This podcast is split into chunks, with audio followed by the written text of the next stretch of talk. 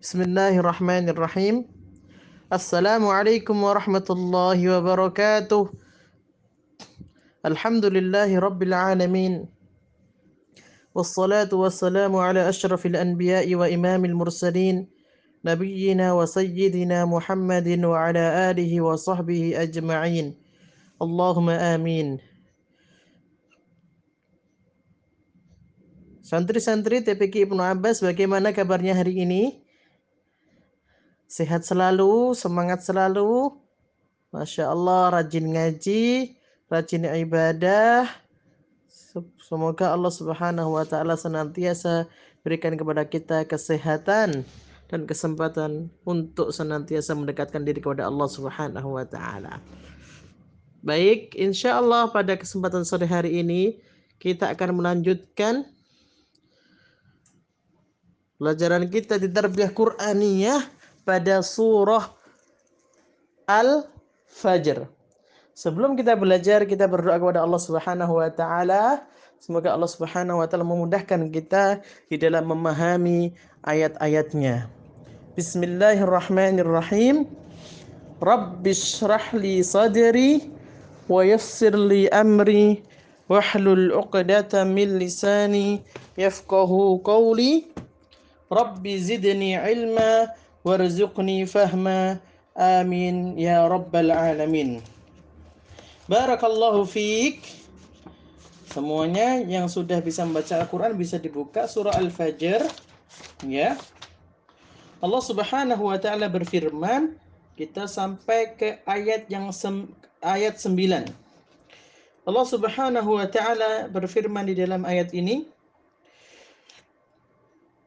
وثمود الذين جابوا الصخر بالواد setelah Allah Subhanahu wa taala meminta kepada kita untuk meredungi dan merenungi dan memahami kisah kaum Ad, Allah Subhanahu wa taala meminta kita untuk memahami kisah kaum Thamud.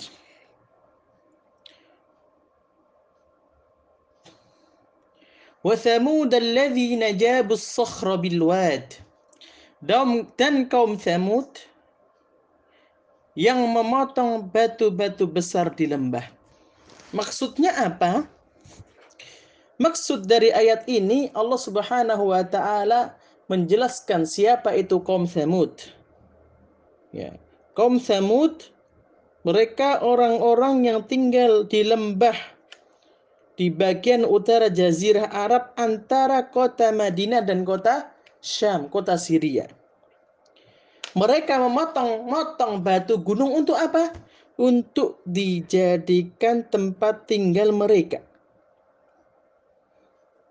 Gunung-gunung mereka lubangi, mereka pahat, mereka jadikan untuk rumah mereka.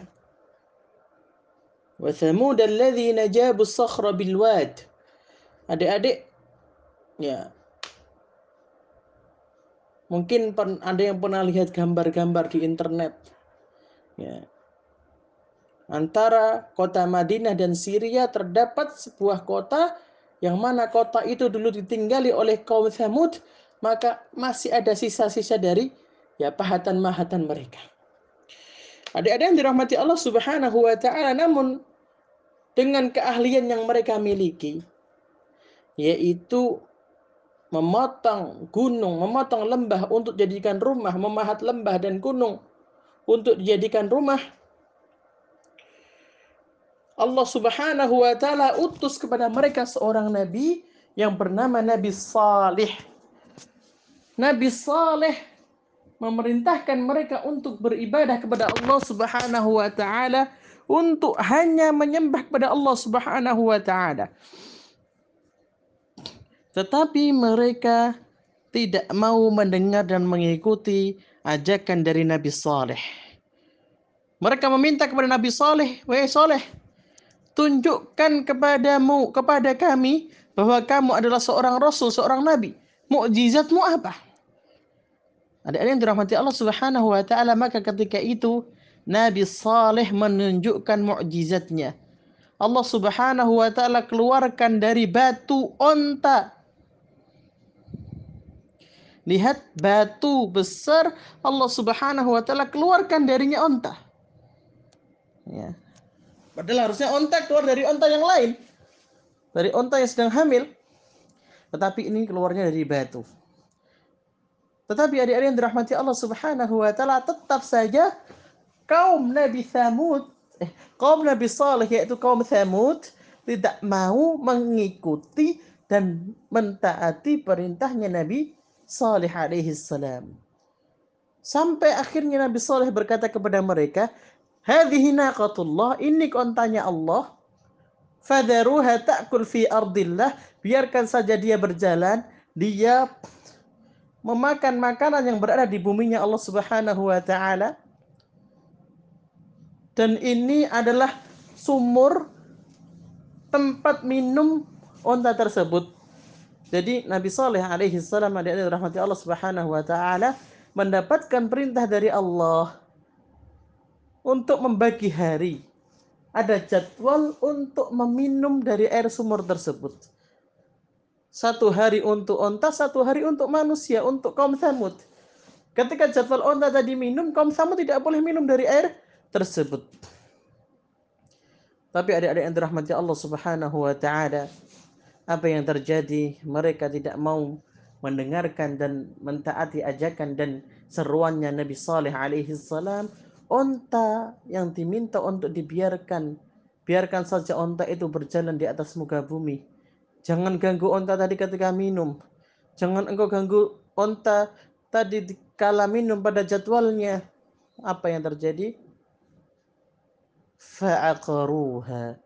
Dalam surah Asy-Syams pernah kita baca كذبت ثمود بضغواها إذ انبعث أشقاها فقال لهم رسول الله ناقة الله وسقياها Ketika Nabi mereka itu Nabi Saleh alaihi salam meminta kepada mereka naqatallah ini unta Allah wa suqiyaha dan tempat minumnya jangan diganggu. Fakadzabuhu tetapi malah mereka menyembelih mendustakan tidak mau mengikuti dan mentaati apa yang diperintahkan oleh Nabiullah Saleh alaihissalam fa'aqaruha mereka malah menyembelih unta tersebut maka setelah itu Allah Subhanahu wa taala turunkan kepada mereka azab sehingga kaum Thamud pun binasa. Ini menjadi sebuah pelajaran bagi kita. Sekuat apa pun kaum Ya, mereka memiliki keahlian. Gunung-gunung dipotong, gunung-gunung dipahat untuk dijadikan rumah. Namun ketika mereka ingkar kepada Allah Subhanahu wa taala dan tidak mau mengikuti nabi yang Allah Subhanahu wa taala utus kepada mereka, maka mereka akan mendapatkan balasan yang setimpal dari Allah Subhanahu wa taala. Maka kita dengarkan seruan yang dibawa oleh nabi dan nabi yang terakhir adalah Nabiullah Muhammad sallallahu alaihi wasallam. Dan rahmati Allah Subhanahu wa taala demikian satu ayat yang kita bahas dari surah Al-Fajr. Semoga bermanfaat. Kurang dan lebihnya mohon maaf sebesar-besarnya. Kita tutup dengan membaca doa kafaratul majlis. Subhanakallahumma bihamdika asyhadu an la ilaha illa anta astaghfiruka wa atubu ilaik. Assalamualaikum warahmatullahi wabarakatuh.